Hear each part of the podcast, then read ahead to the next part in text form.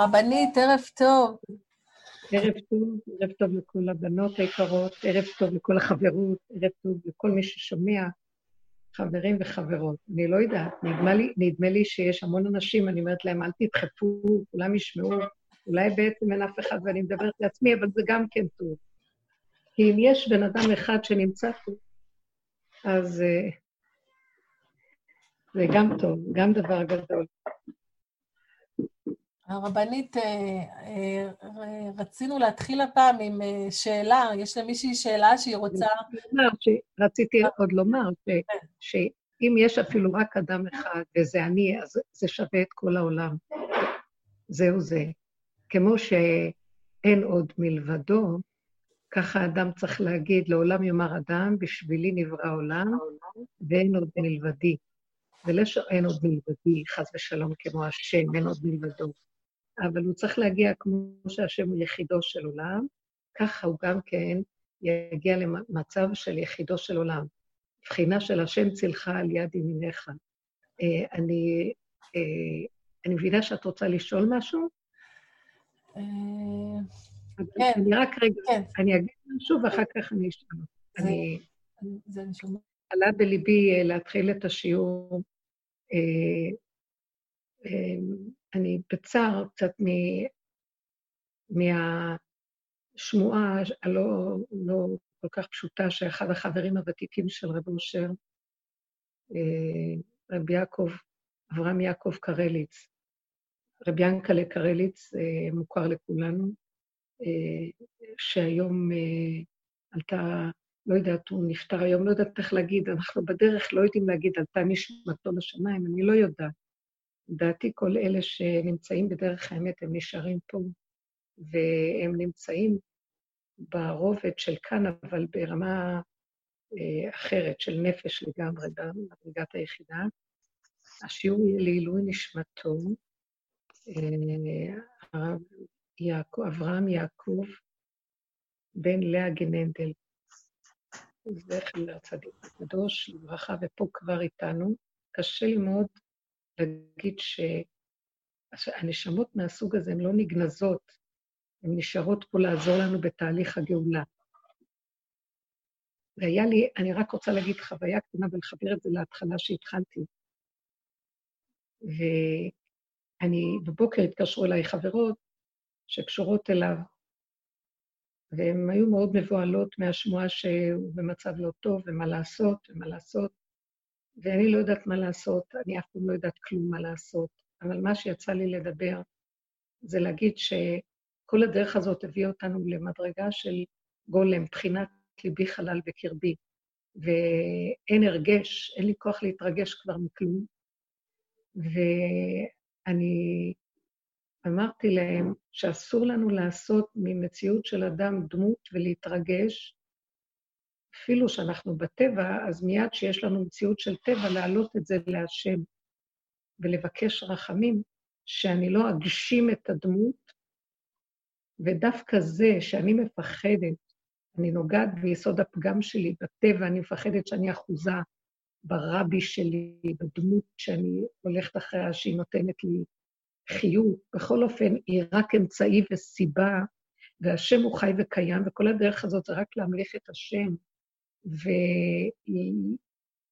ולחזור ולהחזיר כל דבר שיש בבריאה הזאת אליו יתברך, ולעשות אותו, להמליך אותו על העולם, מלך על העולם שלו, כך שכל דבר שיש בו הרגש, אה, איזה הערצה, איזה בהלה, איזה חרדה, איזה קנאה, איזה... וכן הלאה, שאתן יודעות שאנחנו בעבודה הזאת קשורות עם תוואי ויסודי הנפש, אז אנחנו צריכים להבין שזו הסיבה שהשם שלח לנו לעלות אליו על מנת להמליך אותו. מה זה לעלות אליו? לבקש רחמים. בחינה שבמקום שאני הלא באתי לבקש, היא אומרת לי, מה לעשות, איך נתפלל עליו במצב לא טוב. אז אמרתי לה, החרדה שלך, שאת חושבת שאת רוצה להתפלל עליו, היא שקר. אנחנו גנובים פה. את חרדה על עצמך שיקחו לך את הרבי שלך. היא קשורה אליו ומקבלת חיות ממנו. קשה לנו לעזוב את החיות, אז תתחברי למי שנותן את החיות לזה שנותן לנו, הוא צינור חשוב, צינור קדוש, צינור תמים, בחינה מדהימה של אדם מדהים בדרך, נאמן, יעקב הנאמן, ינקלה, הרב ינקלה הנאמן, אמונת אמת ואומן, שהתחברה אליו. טוב לב, כמו אהרון הכהן, אי אפשר לתאר. טוב לב ש, שהוא ישכב לאורך ולרוחב עבור כל אחד בישראל, וישמח את ליבו אה, בכל דבר שירצה, אפילו אם זה יכול להזיק לו. אהבת אמת לכלל ישראל אמיתי. אמרתי לה שבכל אופן, אנחנו בצער, אנחנו זה שנותן לנו את האהבה, נותן לנו את התשומת לב, את הסיפוק, את השמחה, את הביטחון, אבל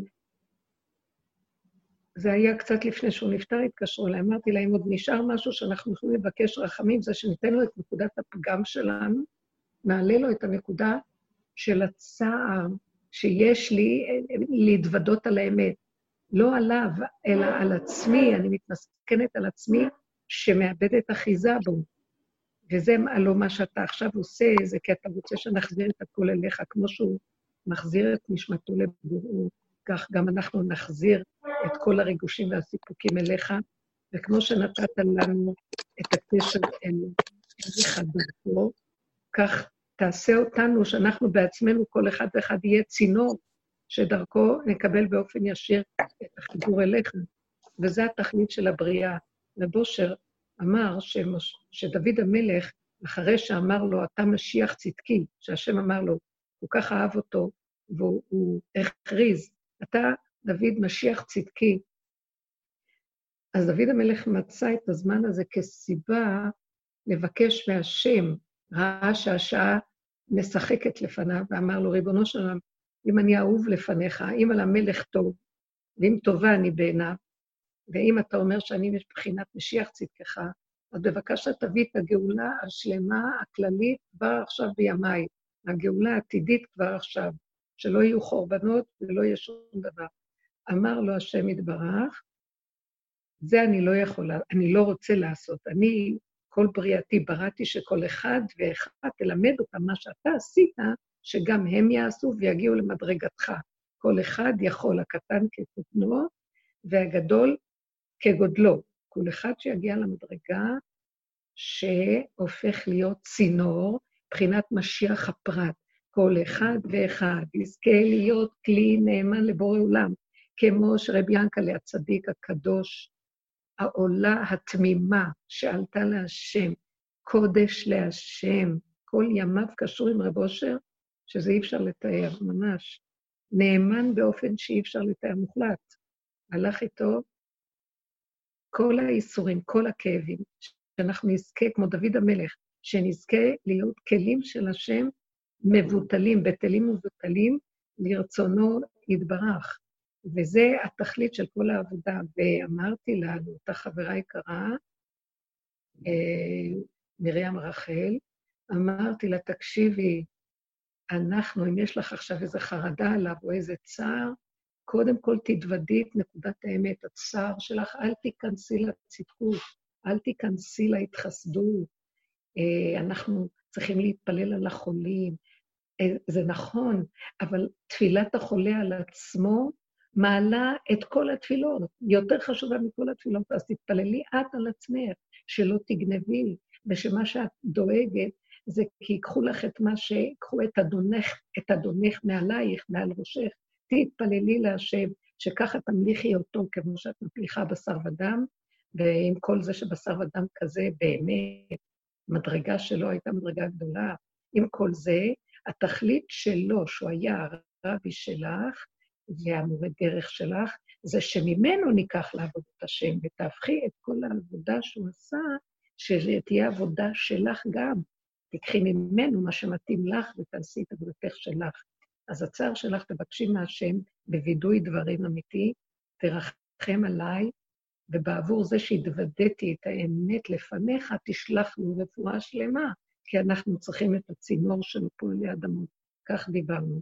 ואומנם אה, בשעה, לא יודעת איזה שעה זה היה, אבל הוא השיב את נשמתו לבורו בשעות אחר הצהריים, ולא זכינו שהוא נשאר איתנו. אמנם אני יודעת שהוא איתנו, וכל אלה שהולכים בדרך לא נגנזו, הם פה לעזור לנו, והלכו להביא משיח, אה, כמו שאומרים, וכל קדושיו עמו.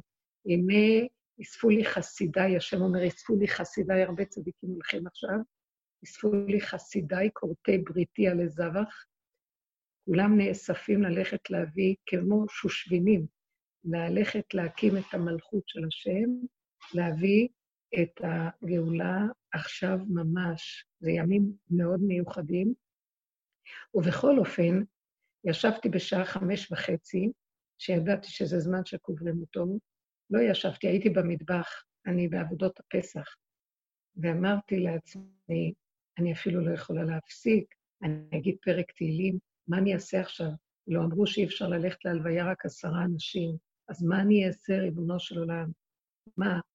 הוא עומד לי חי מול העיניים, אני אוהבת אותו אהבת עולם, אני מעריצה ומעריכה אותו, מוקירה את העבודה המדהימה שלו, כמה הוא הושיט יד ועזר לי בשעות קשות של לחץ, כמה אה, מתיקות, כולו דבש מתוק היה באיש הזה, ואז אמרתי, איך עכשיו הוא איננו? אנחנו עכשיו שומעים אותם, הלו? ואז אמרתי, את לא יכולה אפילו להפסיק את העבודה, לעשות משהו עבורו, ואז אמרתי, זה שקר, אני לא יכולה לעשות עבור אף אחד שום דבר. אני יכולה רק לראות על עצמי ולראות את הצער שלי, שאני כביכול מצרה שאני לא, אני כאילו יורדת על עצמי, בא לי צדקות, שאני לא מוכנה להפסיק קצת ולהגיד תהילים. אז אמרתי, ריבונו של עולם, התהילים האלה שעכשיו המוח שלי רוצה שאני אגיד, זה דבר טוב להגיד תמיד, אבל אני לא רוצה שזה יבוא מתוך הצדקות שלי. אני אשאר בפגם שלי. אני אשאר בטבע הפשוט של הגולם, וממנו אני אתוודה לפניך. ואני אגיד לך שאני עכשיו מסדרת את השיש ומנקה אותו, וזה עכשיו הדבר הכי שתופס אותי, ועם כל זה שאני אוהבת אותו ואני בשוק, האם אני בשוק מהידיעה אבל השוק שלי לא שוק אמיתי, זה שוק כי התרגלנו שאנחנו מגיבים בהתרגשות ולדבר ש, שהוא חדש, אינו מוכר, ועוד כזה דבר שמתעלם מאיתנו מישהו. אבל אתה, אם אני איתך באמת, אצלך זה כלום, רגע אחד אדם פה, רגע אחד הוא שם, ואין הבדל ביניהם, הדלת היא אפילו לא חוצצת, רק אנחנו לא רואים כלום. אז ריבונו של עולם, אתה יודע משהו, פתאום בא לי מחשבה שהוא נתן לי, ואז נזכרתי, נכון שהאריה מת, האריה, הוא היה גדר של אריה, אבל הכלב, שזה אני, הכלב עדיין פה חי. ואמר קהלת, כי טוב לכלב, טוב לכלב החי מן האריה המת. יותר טוב לו לזה שעכשיו חי פה, בעולם הזה, בגוף הזה, כרגע לעצמי, מזה שהלך מפה. נכון שהוא כבר גמר את עבודתו, הלך עכשיו להביא, אה, יש לו גם שם עבודה, כן? להביא אה, יחד עם כל השושבינים את המציאות של השם מבחינת משיח, צדקנו פה בעולם הזה. אבל אנחנו עדיין פה, דעו לכם. וזה שימח אותי מאוד. המחשבה הזאת שימחה אותי. ואני אגיד לכם, זה הגיע אליי ברגע שחשבתי, את לך נפש להגיד תהילים, אין לך, לא אכפת לך, את לא, להלוויה את לא הולכת לא, לא להגיד תהילים, את עושה עכשיו את השי שאת לא יכולה להפסיק. ובתוך כל זה היו לי מחשבות של אהבה גדולות אליו, כאילו הוא חי וקיים. בכל אופן, התוודעתי בפניי כי הצדקות התחילה לגנוב אותי, ואז הייתי חייבת לחזור לגולם. ואמרתי, אני עם השיש משתגעת, אוהבת את, את רבי ינקלה, אני אוהבת אותו, הוא חי מול העיניים שלי. עם זה שאני עושה את הפעולה הכי פשוטה, הוא עדיין חי פה, והוא איתנו. אמנם, באותו רגע שירדתי על עצמי קצת, כזה מצד הצדקות, באה לי פתאום המחשבה שאמרתי לכם קודם, שכשהייתה הלוויה, נזכרתי בסיפור הזה של החזון איש, והרב שך, כל הצדיקים, התלמידי חכמים של קהילת פומביץ' חזרו מההלוויה, אז כמדומני זה כן היה ככה, הסיפור. אז הרב שך אמר, טוב, אחרי שהם קברו אותו וחזרו, כולם היו מדוכדכים, מאוד מדוכדכים, ואז הרב שך הרים את מבטו אל עבר זה שלידו ואמר לו, טוב, האריה מת, ונשאר פה הכלב החי, וטוב לכלב החי מן האריה המת. אז אנחנו, זה בא לי באותו רגע שחשבתי, תראי איך את נראית, את לא מתביישת, ביאנקלה, וככה אין לך בכלל רמה, את לא, את לא כלום, אין לך לב, את uh, קרימינלית, תת רמה, מה זה פה? כי יש לי את הצדיק הזה שכל הזמן יורד עליי ושופט אותי. ואז מהר התנערתי ממנו ואמרתי, נכון, ביאנקלה, אתה היית אריה, אבל אני עדיין נמצאת פה, ואני חוזרת לגולם שלי, והגולם הזה, הכלב הזה, שהוא גולם, יותר טוב כרגע בגלל שהוא פה, ועדיין לא יכול לעשות משהו, אז הוא כרגע במצב טוב. וכל הבריאה שנבראה היא בשביל הכלב הזה שנמצא פה במרחבות, שאני קוראת לעצמי ככה, זה כל הזמן לחזור לנקודה של הפגם ולהסתכל על זה, זה הבחינה הזאת, זה הבחינה של, אנחנו לפני שבת הגדול, זה הבחינה של הקורבן, שהם קשרו את הטלה, קורבן פסח, קשרו את הטלה של המצרים לקרעי המיטה. לקחו את הפגם וקשרו אותו מול עיני המצרים, שהם כולם היו בחיוביות. הטלה שלהם היה האלוהים שלהם, חיובי, גדול, ואנחנו לוקחים אותו ואומרים, זה כבש, הוא יהיה גם קשור למיטה, למטה, למטה. הפגם הכי גדול של האדם, הכלב שבאדם, והכלב הזה, אם הוא מודה באמת שלו, והוא לא מחפש את הצדקות ואת ההתרחבות, הוא לא מחפש את... זה המקום גופה שממנו מתגלה השם. דווקא כשאדם מודה על האמת הכי הכי פחותה שלו, כי זה כל האדם, אדם ובהמה תושיע.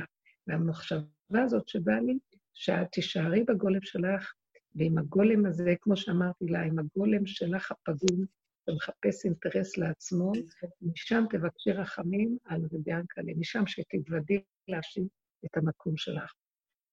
זה יסוד מאוד חשוב בעבודתנו, שאנחנו חוזרים אליו עכשיו. זה עבודה זרה שבקרבנו. אם אנחנו לא לוקחים אותה ברמה שמצטדקים ובאצטלה, ורבנן מתכסים, וכולנו רוצים להראות כמה אנחנו יפים, כמה אנחנו מושלמים, כמה אנחנו צדיקים, אומרים תהילים, ואנחנו זה. תקשיבו, לא שהתהילים הוא רע, זה טוב להגיד תהילים, אבל כמו גולם, כמו אחד שלא גונב את זה לעצמו, אלא שידע שהוא כלב חי שיותר טוב מן האריאנה כל עוד הוא חי. והגולם הזה, דרכו מתגלה השם יתברך, ולא לפחד להגיד את יסוד הפגם. וזה המציאות שאנחנו כל הזמן בורחים ממנה ולא לא רוצים להודות שאנחנו מציאות אה, ממש.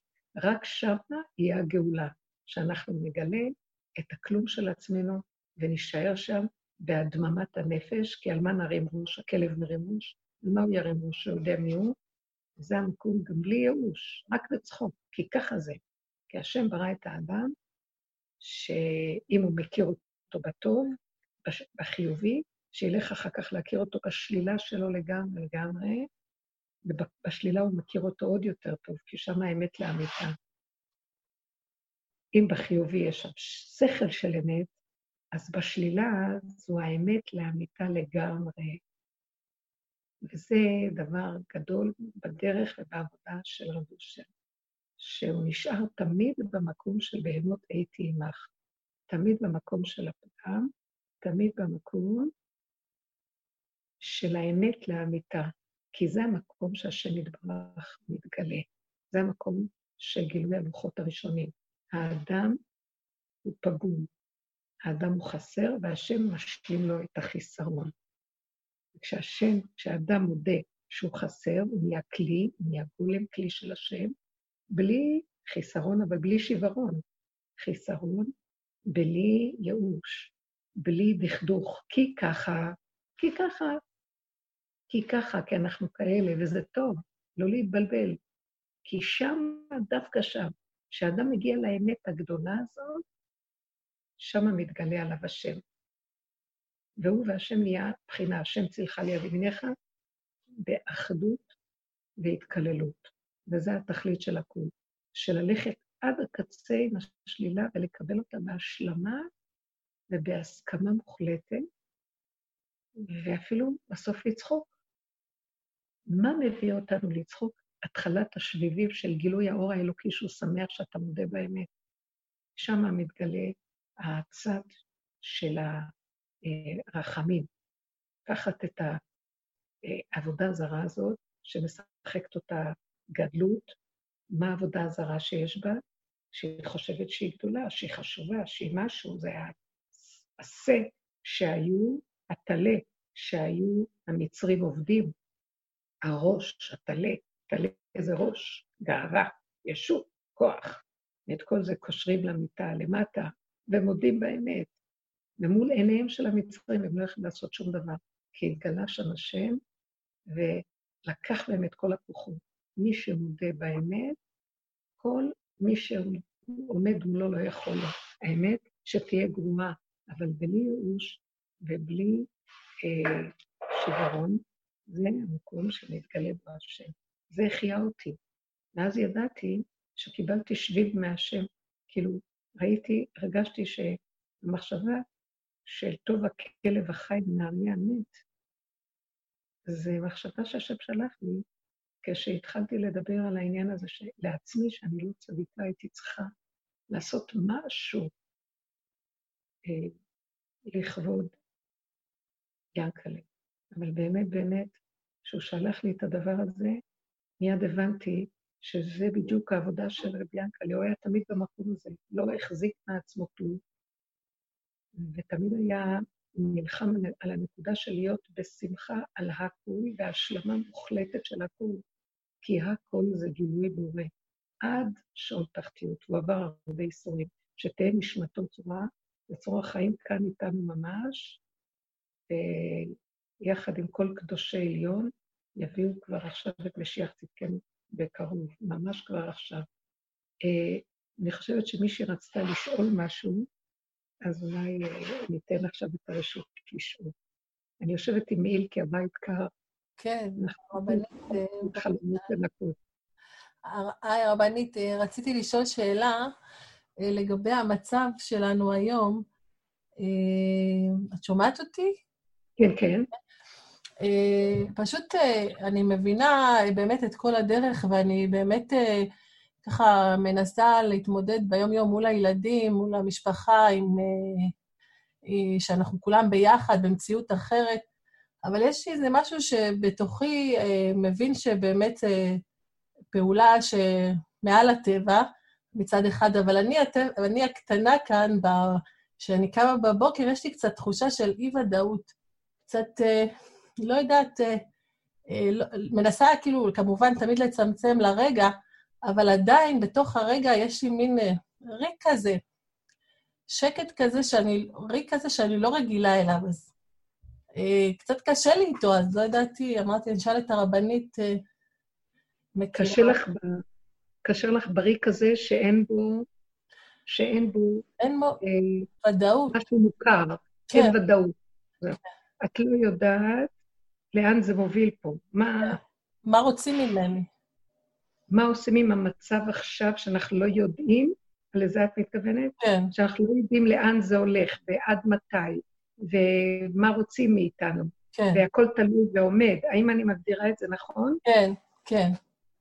זאת התחושה הקשה שמלווה אותך עכשיו. כן. זאת אומרת, אבל טוב, נניח שכולנו הפסקנו את מהלך החיים, בחוץ לפחות, כל תרבות החיים החיצונית הפסיקה, כן. ואנחנו תלויים ועומדים ולא יודעים אה, עד מתי אה, אנחנו נשארים בבתים, עד מתי המצב הזה, מתי נחזור, אם נחזור לרגיל.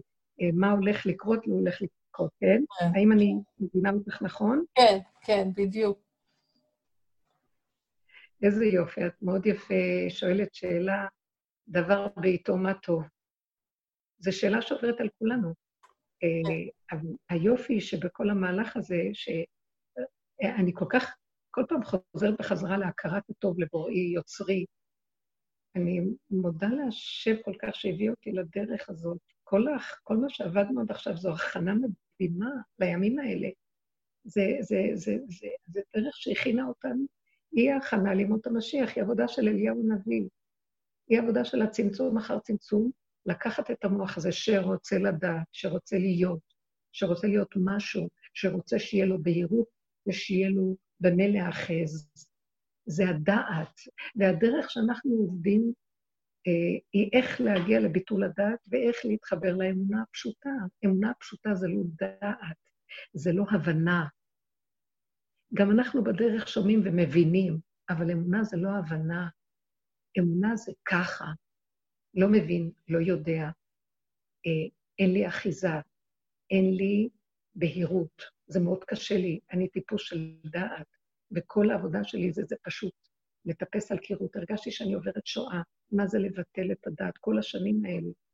זה, זה, זה, זה למות ולחיות, ולמות ולחיות, להעמיד את הדעת, זה מה שיש לאדם, הלוא תרבותנו, הדעת היא המובילה, גם בתרבות תודעת עץ הדעת טוב של התורה. דעת קנית מה חסרת. פתאום עכשיו אומרים לנו, לא פתאום עכשיו, בדרך שלנו אנחנו מתבקשים, לא יודעים. לא רק שמתבקשים, לא מכריזים אתם לא יודעים. מביאים עלינו ניסיונות שמזעזעים אותנו. אני לא מבינה, אני עשיתי את כל הדברים הכי טובים בעולם, וחטפתי את הפליק הכי גדול של החיים. כמה צדקות נתתי וקיבלתי את הכי ביזיונות. אני אומרת דוגמאות כאלה שאני נותנת, תחשבו. כמה תהילים קראתי, ומה בסוף חטפתי. כמה אני נותנת בבית ומה הם מחזירים לי.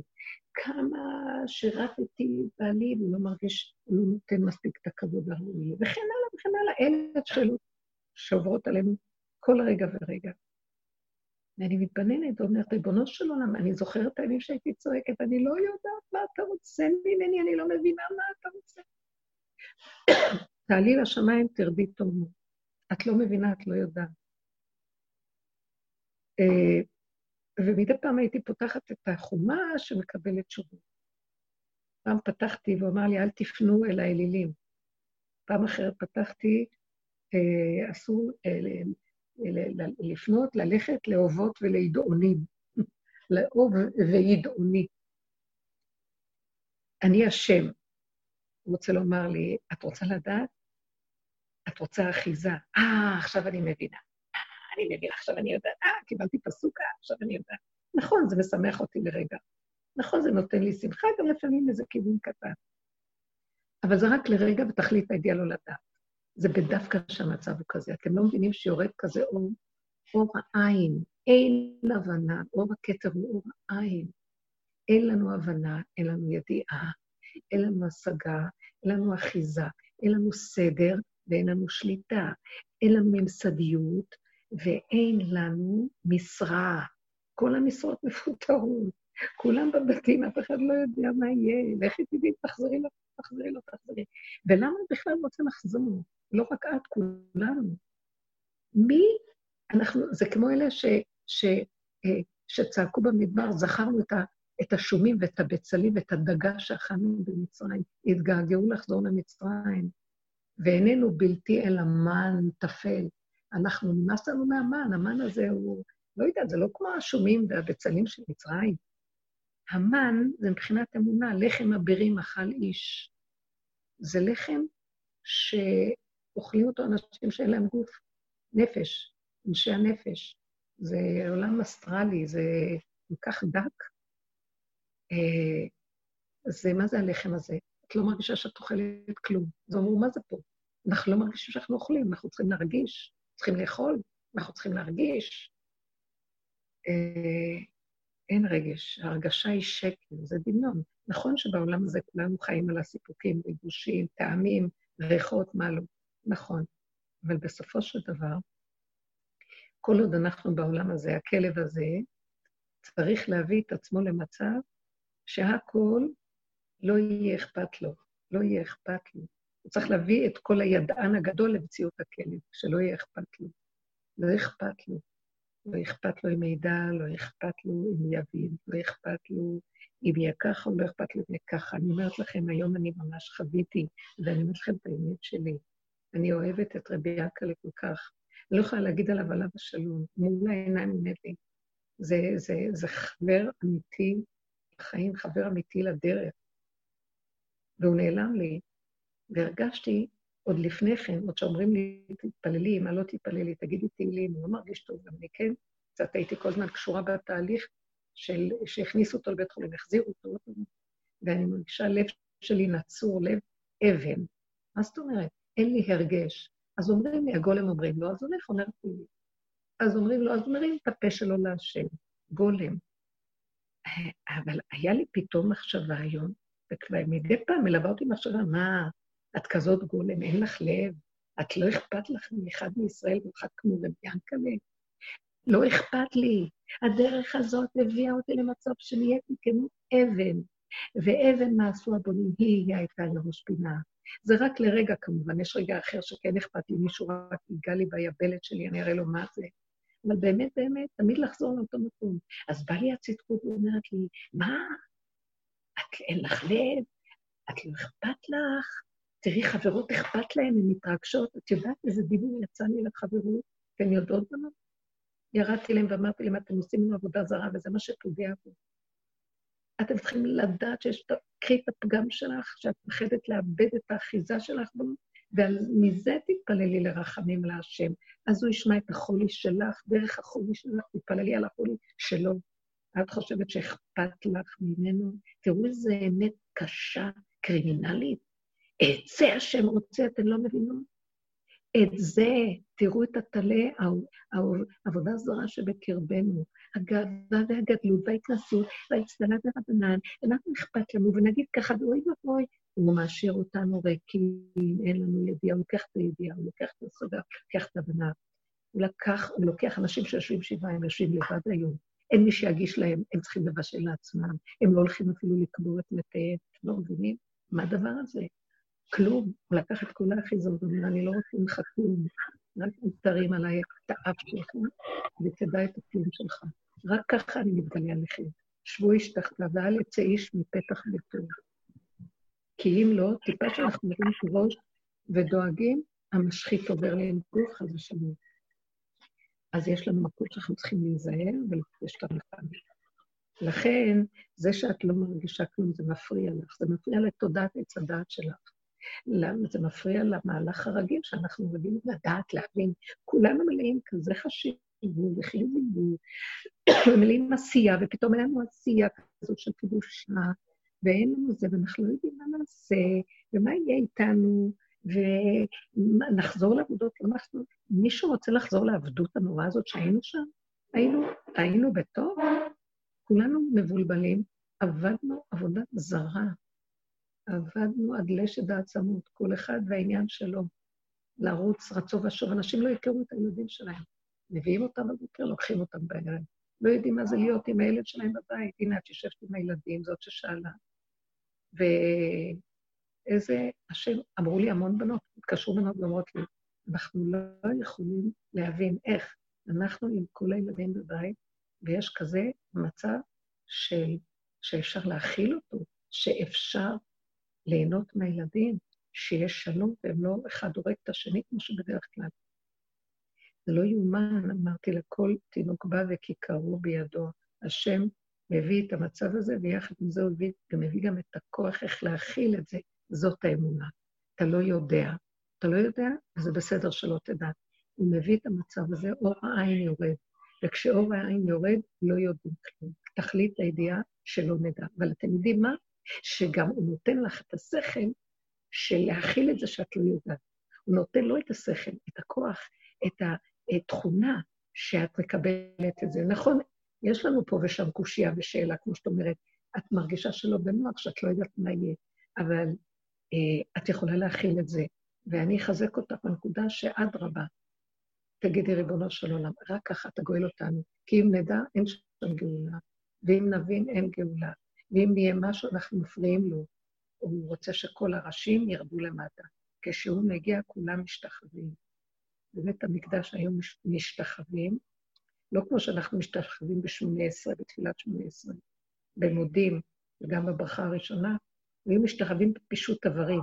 ידיים ורגליים על הרצפה היו משתחווים. ככה היו משתחווים. השתחוויה בפישוט איברים. ככה הוא רוצה שנהיה לגמרי מבוטלים. אדמה, אסקופה נדרסת. ואז הוא מביא לנו את כול השמחה שבעולם, את החן ואת הרחמים של הגילוי שלנו. שהשם ייתן לנו ברכה ושלום בכל אשר אנחנו עושים. האם קיבלת תשובה ממני או ש... תודה, תודה, כן. יש, יש משהו שמפריע פה עכשיו? יש... אה, את שומעת דיבור? רק שנייה. האם יש שאלה נוספת שהבנות רוצות לשאול, כדי שאנחנו נוכל... אה, אני לא שומעת אף אחד. בנות שומעות אותי בכלל? כן. כן, כן, שומעות. כן, אוקיי. בטח שומעים. כן, כן, שומעות רבן פישר. שומעות אותך, ברוך השם. יופי, חמודות. אני אגיד לכם משהו, מאחר ואני יושבת מול עצמי, אני רואה את עצמי, זה מאוד קשה. אני צריכה אה, מכן תגובה, כי בדרך כלל אני רגילה לשיעורים שהבנות מגיבות ונותנות את הנקודה שלהן, ואז מתפתח דרך מתפתחת, כי אני לא רוצה לדבר לבד. אני רוצה שאתם תכוונו אותי לנקודות שהן שייכות לכם.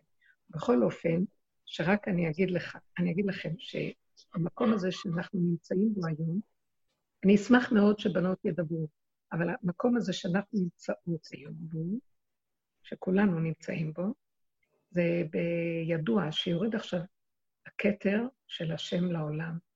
המלכות יורדת, מלכות אור אינסוף. וזה ערוץ שהוא פתוח.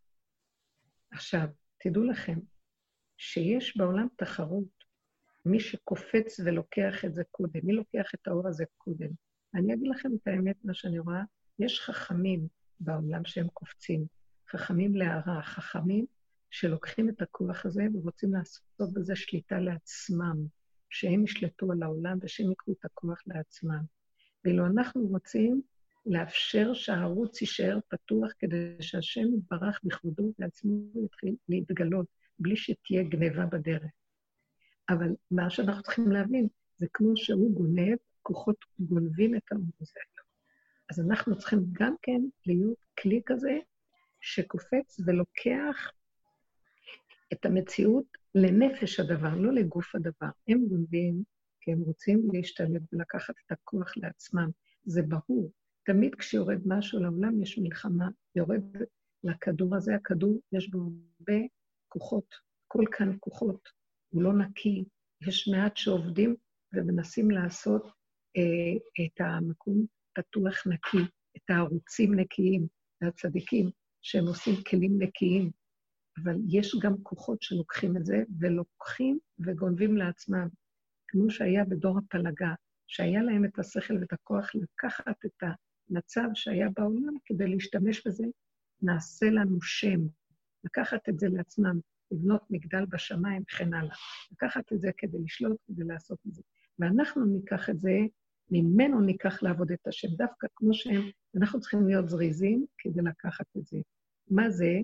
אנחנו צריכים לעבוד עם המקום הזה של איך להישאר ביחידה ובגבול שלנו, בגולם, מהגולם ליחידה, מהזחל לפרפר. והמקום הזה שדיברנו עליו הרבה, זה המקום ששם מתגלה השם. כי כולנו יודעים שאנחנו גונבים, אנחנו, יש לנו תמיד גניבה, כי כל עוד אדם בעולם הזה נושם, הנשימה גונבת איתו, יחד איתו. אבל לפחות אנחנו יודעים את זה ומעלים את זה להשם. בעוד שהם לוקחים לעצמם ובריש גלי, הם חושבים שהם יכולים למלוך לעצמם המלכות. לכן כל העבודה שלנו, שאם אנחנו, תקשיב, זו שעה מאוד חשובה, שדווקא, אני זוכרת שהיינו עובדים הרבה על הפגם ועל התכונות השליליות שלנו, והיינו רואים את השלילה ונשארים שם. עכשיו זה זמן מאוד מאוד חשוב שלא להרים ראש. לא להרים ראש, שבת הגדול. אנחנו בשבת הזאת נכנסים למציאות של שבת הגדול. הראש זה היה טלה, העבודה הזרה של המצרים, זה הגאות, זה הישות, זה הכוח, זה השלטון, זה המלכות. אבל עכשיו תבינו, אנחנו לא רוצים לשלוט, אנחנו לא רוצים כוח, אנחנו לא רוצים אה, וכן הלאה, לגנוב, כבוד. אבל אפילו אנחנו, האנשים הקטנים, קטן כקוטנו, זאת ששאלה את השאלה, ושהיא אמרה שהיא קמה בבוקר והיא לא מרגיש, היא מרגישה שהיא לא יודעת מה יהיה. מפריע לה המצב הזה שהיא לא יודעת מה יהיה. זאת, זאת הגניבה. מיד היא צריכה להסתכל ולהגיד, הנה הפגם שלי, אני רוצה לדעת. אני רוצה לדעת כדי שיהיה לי שליטה. הנה יסוד השליטה. של, שליטה במרחב, שליטה שאני יודעת מה הולך להיות, א', ב', ג', ד'. תכלית הידיעה שלא נדע, אור העין זה תהיה גולם, הוא צריך את הגולם שלה. זה מאוד קשה, זה בדיוק ההקרבה, הקרבת הקורבן, הקרבת הטלה, לקשור את הטלה למטה, למיטה, ולהתוודות ולהגיד, זה, זה טיפה שהוא כל רגע מרים ראש. אני רוצה לדעת, מה כבר רע בזה שאני רוצה לדעת? מה רע שאני רוצה לעשות חסד? מה רע? אני פתאום הסתכלתי וחשבתי, למה אני לא אומרת כמה פרקי פלילים פה בשביל העניין של ביאנקה?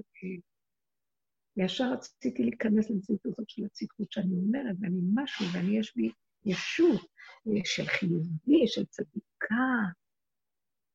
ואז אמרתי לעצמי, ביאנקה היה כל כך צדיק, אבל אני גם רוצה... אמרתי, לא, לא, לא, לא, תישארי את בפגם שלך. תישארי בידיעה שאת, כן, יש לך נקודה של קרימינל, תישארי שם, את זה השם רוצה. כי רגע, אם לא, ישר אני מרימה את הראש. והנקודה הזאת של לקחת מיד, אה, לחפש בדברים הקטנים איפה הגניבה, איפה אותו כוח ששולט, אם זה בגדול, נגיד שיש מוחות ששולטים בעולם, יש כאלה כל מיני שאומרים שיש קונספירציות, כל מה שקורה זה אנשים ש...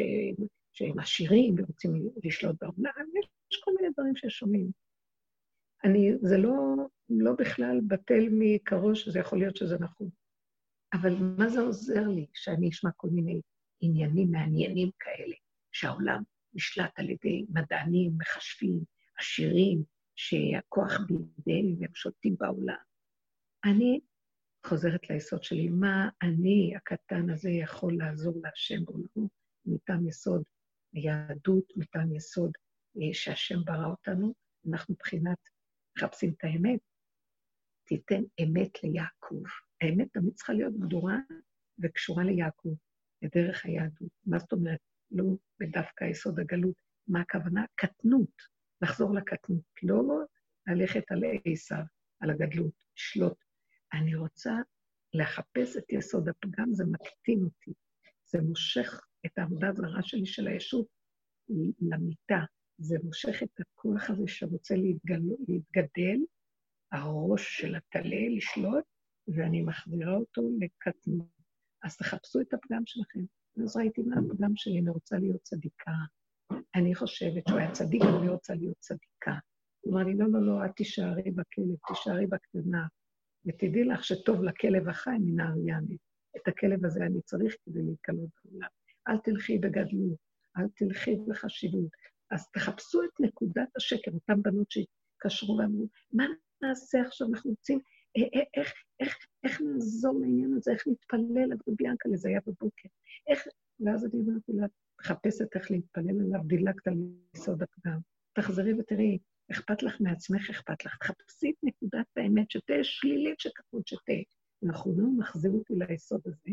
זאת אומרת, למרות שאנחנו כבר כמעט לא מדברים על הפגם, כי הגולם כבר לא מדבר על הפגם, אבל יש משהו שקופץ ורוצה לגנוב.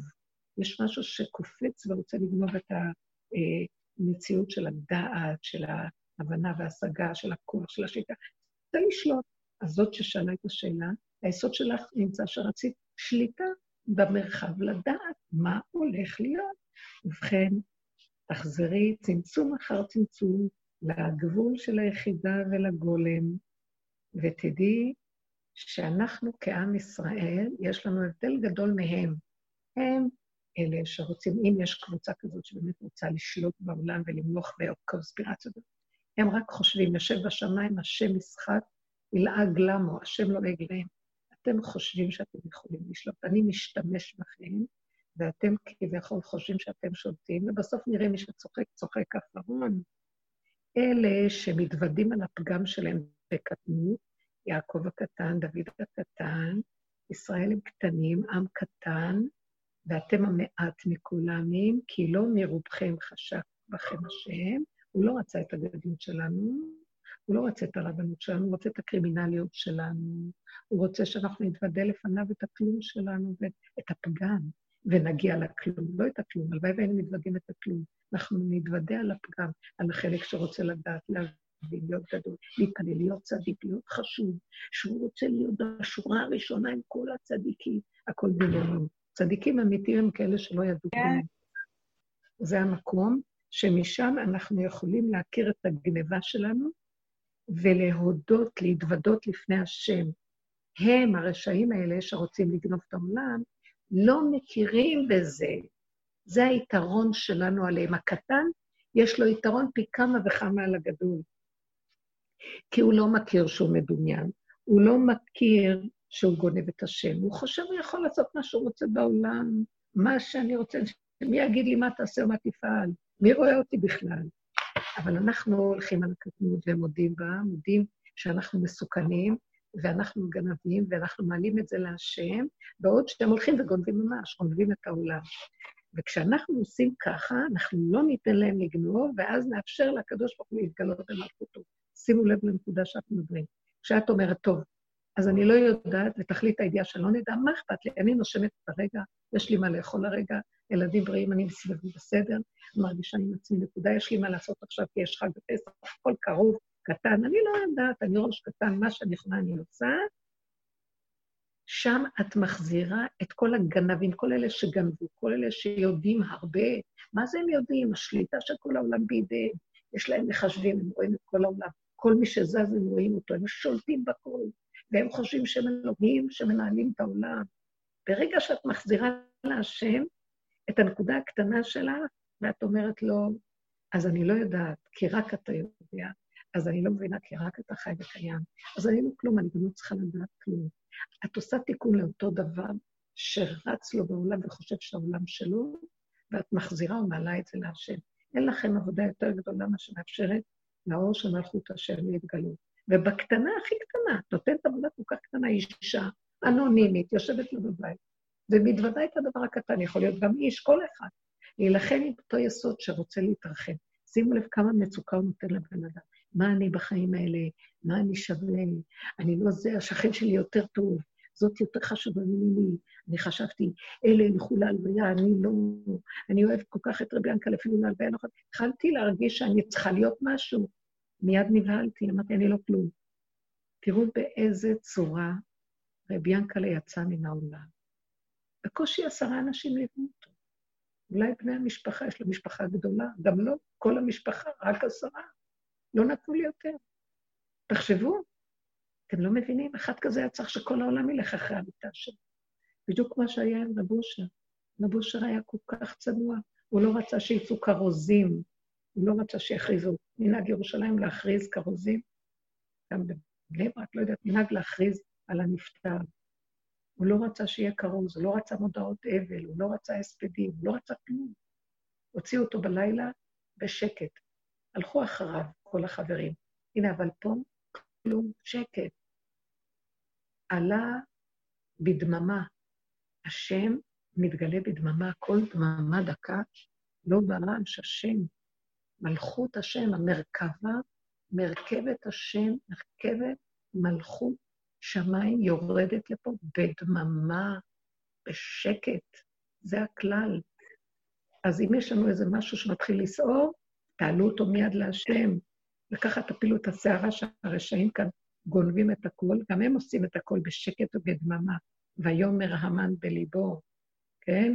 ויאמר עשיו בליבו, יעברו ימי אבל אבי, הכל בליבו, בשקט, הוא לא מגלה את התחמונים שלו. הם שולטים כביכול ולא מגלים, הם מאוד טובים, אבל אנחנו, לא אכפת לנו מכל זה. אכפת לי כרגע, אפילו אם יש לי ידיעה כזאת, שסביר להניח שיש כזה דבר בעולם, מה אתם חושבים? מחשבים שולטים פה, אבל השם שולט מעל כולם, והגיע הרגע שהוא ישחוט את כולם. לוקח את הכבש הזה וקושר אותו לקרעי המיטה. קחי את הפגם שלך, תודי בו, קחי את הראש של הכבש, הטלה הזה, השמן הגדול, שחושב את עצמו, בעל גאוון, ותקשרי אותו למטה, ותתוודי את האמת, ותגידי להשם, בהתחלה זה קשה, אחר כך תצחקי, תגידי, הכול בדיחה. רק אתה שומר. מי שהולך עם האמת הזאת, עם הצמצום הזה, ועם החוזק הזה של הלב שאין כלום, רק הקטנות, ומתמסר אליה, זה עבודת נשים, ונשים יכולות, או נשמות ששייכות לעולם הנוקבה, שיש להן את הכוח להתמעט ולהתקטן, יסוד הלבנה. לכי מעטי את עצמך. היא גם חמה, אבל היא גם יכולה להתמעט. יש לה שתי מעלות. שהיא הייתה חמה ביסודה, והיה, כמו שכתוב, שני המאורות הגדולים ביום רביעי. שהשם יצר את שני המאורות הגדולים. אחר כך הוא אומר את המאור הגדול לממשלת היום, והמאור הכתול לממשלת הלילה. בפרשת בראשית, בתחילת הבריאה. אז המאור הגדול, שני, בהתחלה כתוב שני מאורות, שני המאורות הגדולים. הוא ברא את שני המאורות, שניהם גדולים, שווים היו בצורתם, בגדלותם. אבל היא אחר כך הלכה והתמעטה. זה שהיה גדול הוא גדול, זה שהיה גדול יכול להיות גם קטן, יש לו מעלה נוספת. וזה המקום של עם ישראל שאנחנו מונים ללבנה, של הדרך הזאת, שהיא לגמרי סוף הדרך, הולכת בהתמעטות, להחזיר את הכול להשם, שלא יישאר שום דבר. אז תראו את הכוח שיש לנו על אותם כוחות שליליים שיש בעולם. אלה לוקחים וגונבים. גם אנחנו גנבים. אבל אנחנו מודים בגניבה, חיים את הסכנה, שמא נתרחב, ומיד מורידים ואומרים לא, אם זה מה שנתת, אז זה מה שיש. עוד פעם לאותה אישה שהיא שאלה של כולנו. אני לא יודעת, וזה מפריע לי לא לדעת. אני סוגרת את המוח ואומרת, רגע, יש לך את הנשימה, יש לך את הרגע, יש לך עכשיו תוכנית, עכשיו יש את זה, עכשיו את פסח, פה צריכה לעשות את הכיור, את צריכה לעשות את זה, את צריכה זה, את צריכה זה. אפילו אני אומרת, לעזבי עכשיו, באמצע אני צריכה ללכת עכשיו לבוא לעשות שידור. אה, אה, מה, מה אני אעשה? אני לא יודעת מה אני אדבר, מה אני אגיד? אז נכון שאני קוראת מדי פעם, יש לי עניינים, אני כותבת, אבל פתאום נעלם לי הכל, והיה לי בלוק במוח כלום. ואז אמרתי, איך אני אדבר? אז אני מעדיפה להמשיך אה, לנקות ולסדר. לא, אז אמרתי, מה זה חשוב? את הולכת לנקות, מנקה, את מנקה, מישהו מנקה דרכך. את יושבת בשולחן ומדבר, מישהו מדבר דרכך. רק תיכנסי למקום הזה שאת לא. אז אל תסערי, אוי, אני צריכה, אני צריכה, נכון, היה לי רגע של שערה, אני צריכה חומר, אני צריכה מה? לא, אני לא צריכה שום דבר. אני הולכת ברוב השיעורים, אני הולכת, אני לא יודעת מה אני הולכת להגיד. אני לא יודעת מה אני אומרת. נוסעת, הולכת בה, ואני רואה כל פעם מחדש. הוא פותח את הפה, והטון מדברת. אנחנו צריכים להיות בהמות האיטומה. וזה המקום שיש לנו יתרון. גם הם גנבים, גם הם הטון, אבל האתון הזאת לא מודה, והאתון הזאת מודה. וזה ההבדל בינינו, וזו הנקודה שכשאדם יודה לפני ברור, שהוא מודה ואומר, ריבונו של עולם, אני חושבת מחשבה מאוד גדולה, אבל זה בלתי אפשרי לומר אותה שאנחנו לא, שהוא לא מודה, אין אף אחד שיכול לעשות בעולם שום דבר אם השם לא מכריז עליו. גם אותם רשעים נשלחו כאן בתכלית, כדי שיאפשרו לנו לעשות עבודה בבחירה האחרונה שנשארה, וללכת, אנחנו ניתן את זה להשם. ניקח את כל הגניבה, את כל הקרימינליות, כל העבודה זרה שבקרבנו, שזה הישות והגאווה, והרצון להיות משהו, אם זה במחשבה זה שכל ודעת, ואם זה ברגש זה כבוד, ואם זה בעשייה זה פעולות גדולות שפעם היינו עושים, הוא משבית לנו להם את הכול. אין לנו ידיעה בשכל. אין לנו הרגשות לא ברורות. אה, גם את רוצה לסתור ולהיבהל, הוא נותן לך אפילו, מקטין את כל הכוחות. וגם בעשייה נהיינו קטנים. הפסח הזה, מה נשתנה הלילה הזה מכל הלילות? אני אומרת, הפסח הזה שונה מכל הלילות. יש הרבה דברים שאני לא מקפידה עליהם, כי אני לא יכולה להקפיד, כי אין בחנויות, אני לא יכולה ללכת לקנות, אין. זה סגור וזה סגור וזה סגור, אני לא יכולה, אז אני אומרת, טוב, אז לא, את לא צריכה את הכלי הזה, את לא צריכה את זה. אז על השיש תשימי את זה ולא את זה, אז תעשי ככה ולא ככה. אז אני, אני מסתדרת עם מה שיש, ופתאום אני רואה שיש באמת הקלות, אפשר גם להלוכה, להלכה, אפשר גם להקל ולעשות זה וזה, למרות שבפסח כל החומרות שהיה אפשרי, עשינו. ועכשיו הם אומרים, לא, לא חייב, לא חייב חומרות. איך שזה ככה, לפני מה שזה ככה. לא חייב שום חומרות. וזה דבר מדהים, זה דבר מדהים, זה דבר מדהים.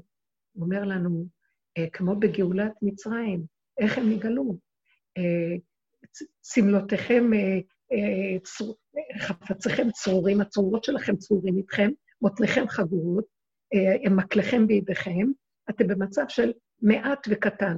בצקכם, אפילו בצק שלכם אתם הולכים עם עצמכם איך שאתם, ככה. ואף אחד לא יודע לאן. אף אחד לא יודע לאן הולכים. לאן הולכים? אמר להם, תלכו, תצאו, יציאת מצרים, לאן? הם ידעו שהם הולכים אה, מול ים סוף, לא היו יוצאים. הם ידעו שהמצרים ירדפו אחריהם, לא יוצאים.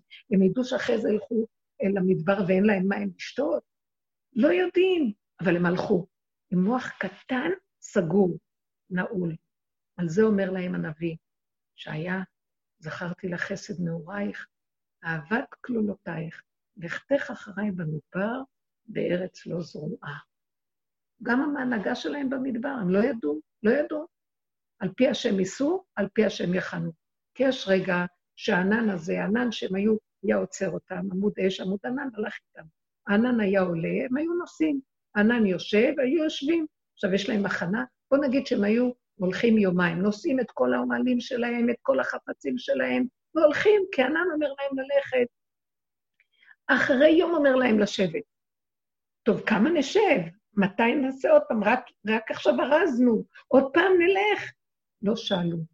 על פי השם ייסעו, על פי השם יחנו. ביד משה ואהרון. ככה השם ליווה אותם. איך שאמרו להם, ככה הם עשו. וזה דבר מופלא. איך זה יכול להיות? כי כשהשם מביא הנהגה כזאת, הוא גם מביא את הכוח לדבר. הוא הביא לנו את הכוח היום להיות במקום הזה. המון נשים מספרות, ממש, שזה פלא ופלא.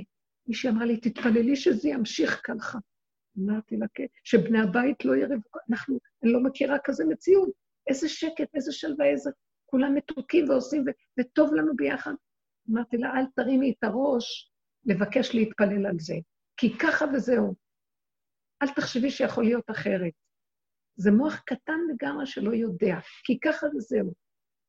אל תרימו להגיד, הלוואי שכל הזמן יישאר. זה כבר מביא אפשרות, את עושה עין רעה, מביא אפשרות שמשהו אחר ייכנס. עין רעה זה מחשבה רעה. כבר את מביאה מוח של עץ הדעת. כי אין לך שליטה על כלום, יש לך רגע כזה, תגידי תודה. כשאת נכנעת ואומרת תודה, עוד רגע הבא גם כן יהיה ככה. כשאת מרימה ראש ואומרת, אוי, הלוואי שעוד רגע יהיה ככה, כבר את יודעת שיש עוד רגע, מאיפה את יודעת שיש עוד רגע? אנחנו לא יודעים מה יהיה עוד רגע. בואו נתאמן, תדעו לכם כל הדרך הזאת שעבדנו שנים. ממש. אני יודעת, הבנות נתנו את עצמם ויש לנו הכרת הטוב נוראית. כל העבודה שעשינו מאפשרת את מה שקורה היום. והיא גם תמשיך לאפשר מה שיהיה אחר כך. אז בנות יקרות, בואו ניכנס בצמצום היותר גדול, מה אכפת לכם? ונלך ככה, כגמול עלי אמו, כגמול עלי נפשי. יסוד המצה.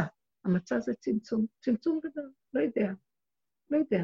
דקה מן הדקה, הכול, רק הדקה הזאת, ואין לי כלום. כל דקה מן הדקה הבאה. הדקה הזאת ועוד דקה, דקה מן הדקה, אין שום דבר. מה אני יודע? וזו האמת לאמיתה. אם הוא רוצה, הוא ייתן לי.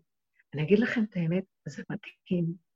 הצמצום הזה בתוך הבתים והנקודות, זה מכריח אותך להתקטן ולהתמעט, וזה גם הכוח מלמטה בא. זה כוח שנותן לך הסכמה למצב.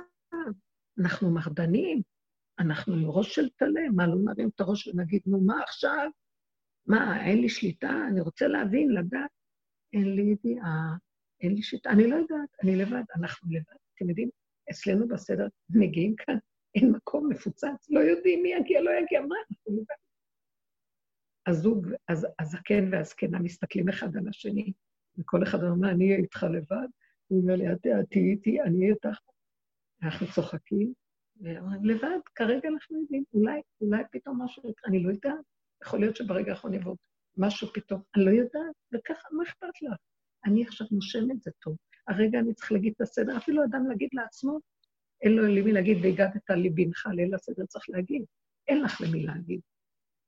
תגידי לעצמך, את הכי גדול הדבר הכי גדול בעולם, התחלתי את השיעור בזה, שלעולם יאמר אדם, בשבילי אין בעולם. אם אני לבד שומעת את השיעור שלי, ואני רואה את התמונה שלי ביני לביני, אז אין בעולם אף אחד, אין עוד מי ילדים. כאילו, בצחוק, אני מגיעה למקום של אין כלום. אתם יודעים שזה היסוד של גילוי מלכות השם? אין עוד מלבדו, כאשר האדם ידע שאין עוד כלום חוץ מהרגע הזה, הנשימה הזאת, לא, זה לא אין עוד מלבדי מצד הישות של עץ הדת, חס וחלילה. זה אין עוד ממציאותי איך שהיא, ככה כלום, הרגע. אז זה מקומו של השם להתגלות. כשאדם מבין את הנקודה הזאת, שם השם מתגלה. תבינו את היסוד הזה. אני פעם שמעתי אה, אחד החברים של רב השם מספר שהוא היה הולך להתבודד בשדות. הוא ישב פעם אחת להתבודד בשדה, ישב על אבן, ופתאום הוא אמר, אני לא רוצה לדבר. לא, אני לא רוצה לדבר, אין לי חשק לדבר להתבודד, אין לי חשק לצעוק. אני יושב, טוב. אחרי כמה זמן, הוא יצא מהשדה והלך לבית של רב אושר. דפק בדלת, נכנס לרב אושר. רב אושר הסתכל עליו ואמר לו, תקשיב, קוראים לו יוסי לאיש הזה, תקשיב, כשהולכים לשדה, אז מדברים עם השם או צורקים. אז הוא אמר לו, רב אושר, איך ידעת? איך ידעת? הוא היה המום. זרק כאן ביני לביני, איך ידעת? אז הוא אמר לו, הוא עשה את זה עם האצבע, אני מקווה שתראו, אני והשם ככה, שתי אצבעות חופפות. כלומר, אני יודע מה אתה עושה כמו שהשם יודע. תקשיב, אני, אני שמעתי את התשובה אז, והייתי באמת בהתפעלות.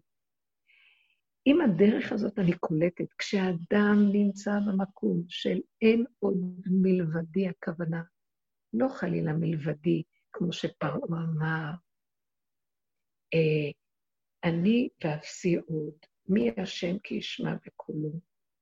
חס וחלילה. זה ישות עץ הדעת. וכשאדם אומר, אין לי כלום בעולמי חוץ מהגולם, הגולם לא יודע כלום. הוא לא יודע גם מה זה השם, לא יודע.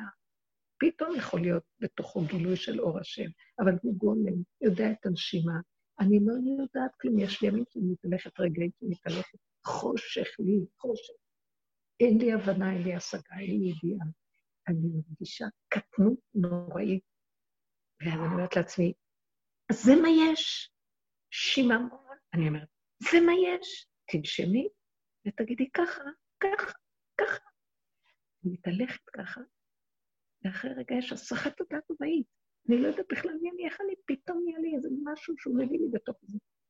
אז כשרב אמר, אני והשם שתי אצבעות חופפות אחד ליד השני, מה מתקבל לזה? אני גולם כל כך גדול, שלא יודע כלום, ואני יודע שאני לא יודע. ובלא יודע הזה, כשאני מסכים ולא נשבר, שם הוא נותן לי לדעת מה אתה עושה בשדה. אתם מבינים את הדבר הזה? כי הוא נכנס ואומר לי, והוא ברא, האור הקדוש שלו, אור העין.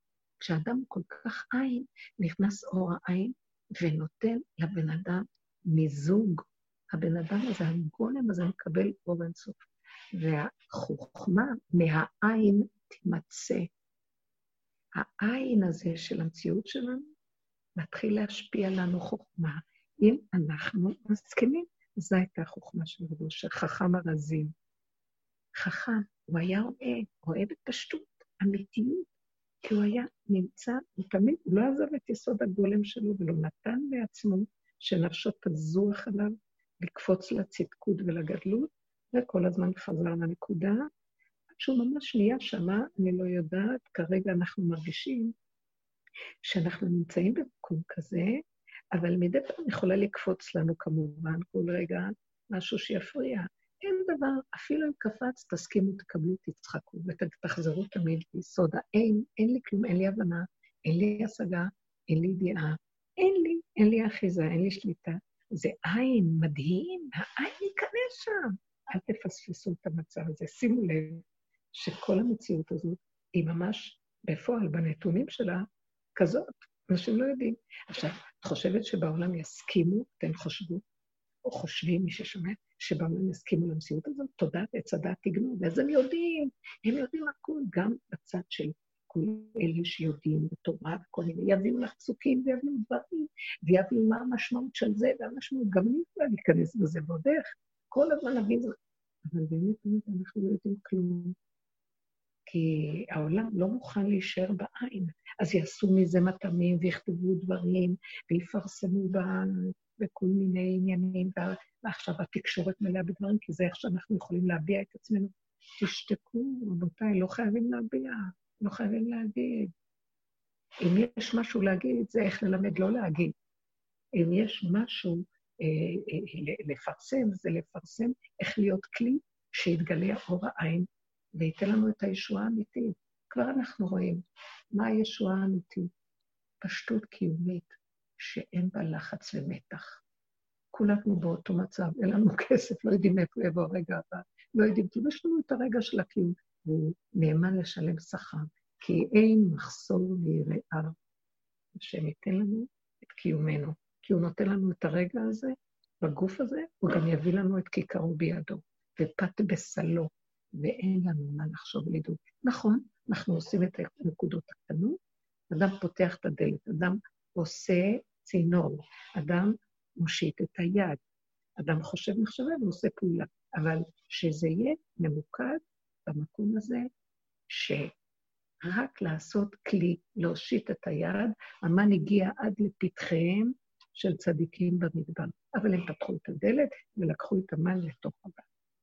זו הנקודה שאנחנו צריכים להבין. בקטן, במתיקות, הוא ייתן לנו, לא צריך את המוחות הגדולים ואת הספריות הגדולות. אתם רואים מאחוריי ספרייה, כמה ספרים ידעתי ולמדתי, ובסוף אני חוזרת לדבר קטן, אות אחת מספקת, מילה אחת מספקת כדי לפתוח את כל הערוצים, והשם חי וקיים. היום כבר נסגר הכול, ורק מתגלה הקטנה. הוא לא רוצה מאיתנו שום עבודות, רק את עבודת הקטנות עכשיו. מתוך יסוד הפגם, מתוך ההכרה של הסכנה, של הגניבה שלנו והשקרים שלנו, כי את זה הוא עוד רוצה מאיתנו לעלות עכשיו בדיוק לשבת הזאת, חוזר ליסוד הפגם, בגלל שזה שבת הגדול, וזה היסוד שחוזר עוד פעם פגם ונאור, מתעורר, לקראת זה שאנחנו הולכים לשחוט אותו עוד יותר, פסח, קורבן פסח, לשחוט אותו כליל, וזה המקום, ובאמת זה מאוד נפלא שאנחנו רואים אה, בסדר הקורבנות, אה, המעשר, הבחור במעשר והפסח, קודשים קלים, שחיטתם בכל מקום באזהרה, אה, ודמן טעון כך וכך, פסח אינו נאכל, אלו נאכל אלא בלילה, לא נאכל אלא עד חצות, לא נאכל, לא, לא נאכל אלא למנויה, ולא נאכל אלא עד חצות. בפסח יש לו קורבן פסח, הוא נאכל בלילה, בחושך. אסור לאכול אותו ביום. לא נאכל עד חצות, איפה ששם מתגלה השם. היסוד של האמצע. אה, חצות, אה, ויהי, הנה, בחצות, השם אומר, בחצות אני יורד, אה, אני יורד על מצרים, שהשם אומר בפרשת בו, שבחצות הוא יורד, משה אומר, קח חצות הלילה השם, כי משה לא יכול לדייק, כמו שהשם, השם הוא בחצות, הוא יודע בדיוק את קו האמצע. אז הוא אינו נאכל, אלא בחצות, לא נאכל אלא למויה, רק אלה שנמצאים בדרך בפנימית, מה זה בפנימית? הנקודה הזאת שעובדים עליה בנקודה, כמו שהרבוש אמר, אני והשם ככה, שהוא אומר, אין עוד מלבדי הכוונה, אין גולם יותר גדול ממני שחי רק את האיך שזה ככה רגע, זה נקרא מנויים שאוכלים את הקורבן, ואינו נאכל אלא צלי, מה שנקרא, זה ארבע דברים, התנאים שנאכל הקורבן. צלי זה שככה שרוף, יאללה, שרוף, טוב, טוב, שורפים אותו, אז אנחנו כולנו שורפים, נכנעים, איך נשרפנו, כמו שאומרים, נשרפנו על השם, אנחנו רק אה, הולכים איתו, ויסוד הזה עכשיו חוזר וניאור עכשיו יסוד הפגם, כדי שנגיע למהלך שבעזרת השם נאכל מן הזבחים, מן הפסחים בבית המקדש, בעזרת השם. כבר עכשיו אני, מה, אני מקדישה את השיעור לעילוי נשמתו של ינקלה יעקב, אברהם יעקב בן לאה גננדל, לא יודעת איך קראו לאבא שלו אחרי הפטירה, אומרים את שם האבא. אה, אז אה, המהלך שלנו, שהלוואי ובעזרת השם, פטירה שלו, זה לא הלוואי, זה ככה זה.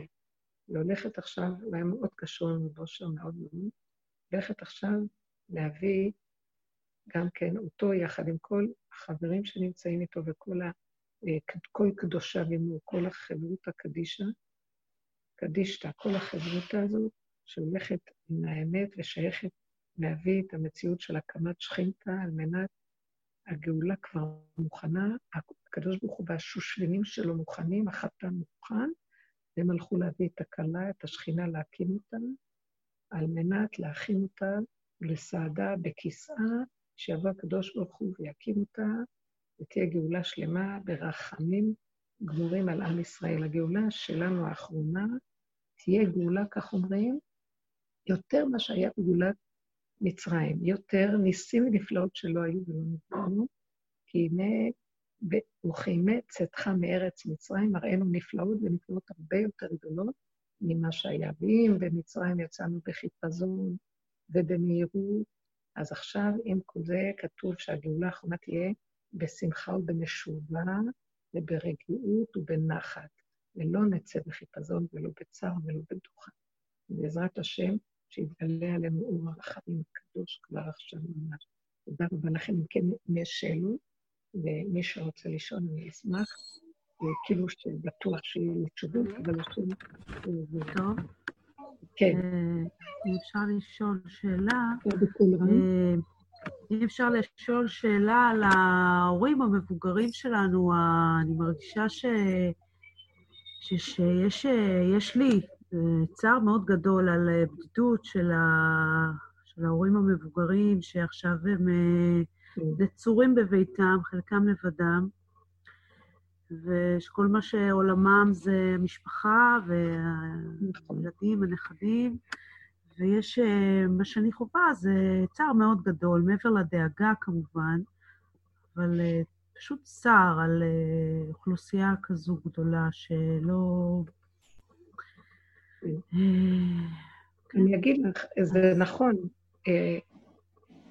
אנחנו אבל, מה שנקרא, בעל כורחנו כולנו במציאות הזאת. השם הביא לנו מציאות שהיא לא נתונה לנו לבחירה, והוא קורא לנו שניכנע ונסכים להתמעטות. הוא נותן להורים הקשישים גם כן את הכוח להכיל את זה. מה שיש לך צער זה מהמחשבה של עץ הדעת, של הסדר הרגיל של העולם, שיש לנו צער כי אנחנו חוששים מה יהיה איתם. אמנם באמת את דואגת להם, אבל יש מי שידאג והוא יודע לעשות את זה הכי טוב ולא יחסר להם דבר מתוכם. אמנם, אנחנו כן צריכים אה, לדאוג, מה שנקרא כיבוד אב ואם, זה מבחינה פיזית, זה נקרא לכבד. יש מורה הורים, יש מורה, אה, שיהיה לנו מורה, מורה אב ואם, ויש לנו כיבוד אב ואם. כיבוד, אז על פי ההלכה זה לדאוג שיהיה להם אה, חם וש... פיזית, שיהיה להם תנאים טובים, שיהיה להם אוכל ושיהיה להם מה שהם צריכים. פשוט להרים טלפון, לשאול, אתם צריכים שייתנו לכם, שיביאו לכם, נעשה לכם, ניתן לכם, כל מה שצריך, אז את זה חייבים לדאוג. הדאגה הרגשית, הנפשית, עליה תעבדי, יקר, יקרה שלי, תביני, זה בדיוק מה שדיברתי, זה יסוד הפגם. כי פיזית אנחנו צריכים לעזור ולהושיט מה שאנחנו יכולים, עד כמה שידנו משגת ויכולה. ובאמת, את ראית שהשם פתח את הדבר הזה, כשמגבילים את כולם, אבל באוכל ובכל זה החנויות פתוחות אפשר לקנות. מי שרוצה יכול לצאת לקנות ולהביא. את יכולה לשים את זה בפתח הבית, את יכולה להכניס להם את זה, את לא את יכולה. בנושא הרגשי זה מיותר, זה מותרות. זה מותרות. אם הם יש להם צער, זה כל העולם נמצא במקום הזה, כי, אה, כי אנחנו לא רגילים לעבוד על עצמנו שאנחנו לא מסכנים בכלל. אנחנו לא מסכנים ולא חסר דבר. והשם נושא את החי הזה, ולא החי נושא את עצמו. זה השם נושא אותם, הנשימה שלו, לגוף שלו והכוח שלו. אמנם אם הם אומרים שכואב להם ואין להם, צריך להביא להם תרופות, צריך להביא להם את מה שצריך, אבל הצער הרגשי עליהם אה, זה הדמיון, הרחמנות של עצמנו, והדמיון שלנו והרחמנות שלנו, תעלי אותו להשם, הוא שקרן, הוא שקרן. אני רוצה להגיד לך משהו, לא פעם ולא פעמיים. כשהאימא ואבא מתקשרים, או שהאימא מתקשרת, או אבא, ואומרים לך, מתי נראה אותך? לא נראה אותך. זאת אומרת, אני לא יכולה, אני לא יכולה היום, אני אבוא מחר, מחרתיים, אני לא יכולה, אני לא יכולה. ויש להם צער שהם לא רואים אותך, אבל את לא יכולה, כי את קשורה לפה, את קשורה שם, והרבה פעמים היית יכולה ללכת, אבל הרבה פעמים לא נוח לנו ללכת. מה קרה שם? איפה הרחמים שלנו שם? שימו לב שאנחנו מניפולטורים, וככה זה האדם. והוא לא מודה באמת של השקר שלו. פתאום יש לו עכשיו רחמנות, כי יושב לו, ועכשיו הוא בבית, יש לו זמן, הוא לא עובד, אין לו בילויים וקניות ועולם לרוץ, אז פתאום יש לו זמן, אז הוא חושב פתאום על ההורה שלו. אני אגיד לכם את האמת, זה נכון שצריך לחשוב על זה, אבל צריך להעלות את זה להשם. אנחנו בדרך האמת מעלים את המחשבים, מבקשים מהשם רחמים, שזה הפחד שבא לי עליהם, או הרגש שיש לי עליהם, של הרחמים. לך יש רחמים יותר גדולים, קח את הרחמים האלה ואל תצייר אותי עם הרחמים ותזכרי את הפגם שלך ואת הקרימינליות שלך בתוך יסודנו, את הכלב שבתוכנו שלא אכפת לי מאף אחד. אתם לא מאמינים מה יש בתוך האדם. את זה הוא רוצה שנקשור למיטה. ותגידי לו, אבא, נתתי לך את, את הפגם שלי כקורבן, אני מעלה אותו אליך, אני מקריבה את הפגם שלי אליך. אתה, בעבור זה, כשהיו מקריבים קורבנות, כל העולם היה מת, יורד, היה אור כזה גדול על ירושלים, וכל העולם היה מתמלא בשפע ברכה, רחמים, בריאות, נחת, שמחה, הכול. תורידי את האור של השם דרך זה על ההורים שלך, ועל כל זקני ישראל. תמיד תצטרפי את כל הזקנים. תחזיק את זה, זה יהיה יותר מהר. זה מה שאני רוצה לומר, שבסופו של דבר, אבל שימי לב, בתרבות עץ הדת, אנחנו יותר מדי נגנבים שאנחנו, אכפת לנו. אני יודעת הרבה סיפורים, שבתוך תוכנו אנחנו, קשה לנו והם uh, הרבה פעמים מתקשרים ואין לנו כוח לדבר איתם, ואין לנו כוח ללכת אליהם, ואמא מרגיזה אותי ואמא וזה, ואין לי סבלנות אליה, וכל כל הדיבורים האלה. עכשיו פתאום קופץ לו כוח שמרחם. נכון, נכון, יש לנו כזה מקום, זה לא אומר שלא נרחם, זה אומר שנתפוס בתוך כל הרחמים האלה איפה השקרן הגנב, נעלה אותו לשם ונבקש רחמים, ועם כל זה כן נרחם, כן נלך לעשות את הפעולות שצריכים לעשות. פעולות בלי הרגש זה דבר טוב. ואת הרגש השקרן לעלות להשם, זה הבחינה של הטלה. זה הרגש הזה, האש. הטלה הוא אש, רג אש, רגש, זה הטלה. טלה הוא יסוד האש. אז אנחנו צריכים להעלות את זה להשם, להגיד לו, אבל אני מעלה לך את השקר הזה, ואתה בעבור זה, בבקשה, שלח רחמים ותשגיח על ההורים היקרים שלי, ניתן להם חיים טובים, ושלא יחסר להם דבר, ושהם יהיו שמחים.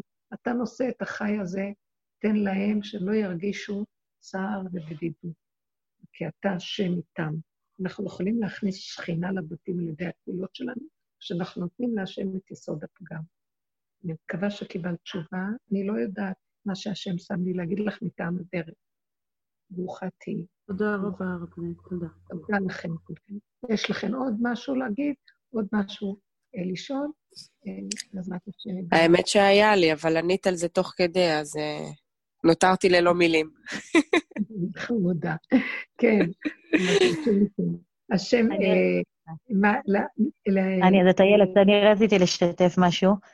שכל המטופלות שלי מבית ספר, אני רואה שכל המורות דואגות ומתקשרות וזה, ולא היה לי כוח להרים טלפון לאף אחד. וכל פעם זה קפץ לי, אולי תתקשרי, אולי תתקשרי, לא היה לי כוח, לא מצאתי את הטלפונים, לא עניין אותי.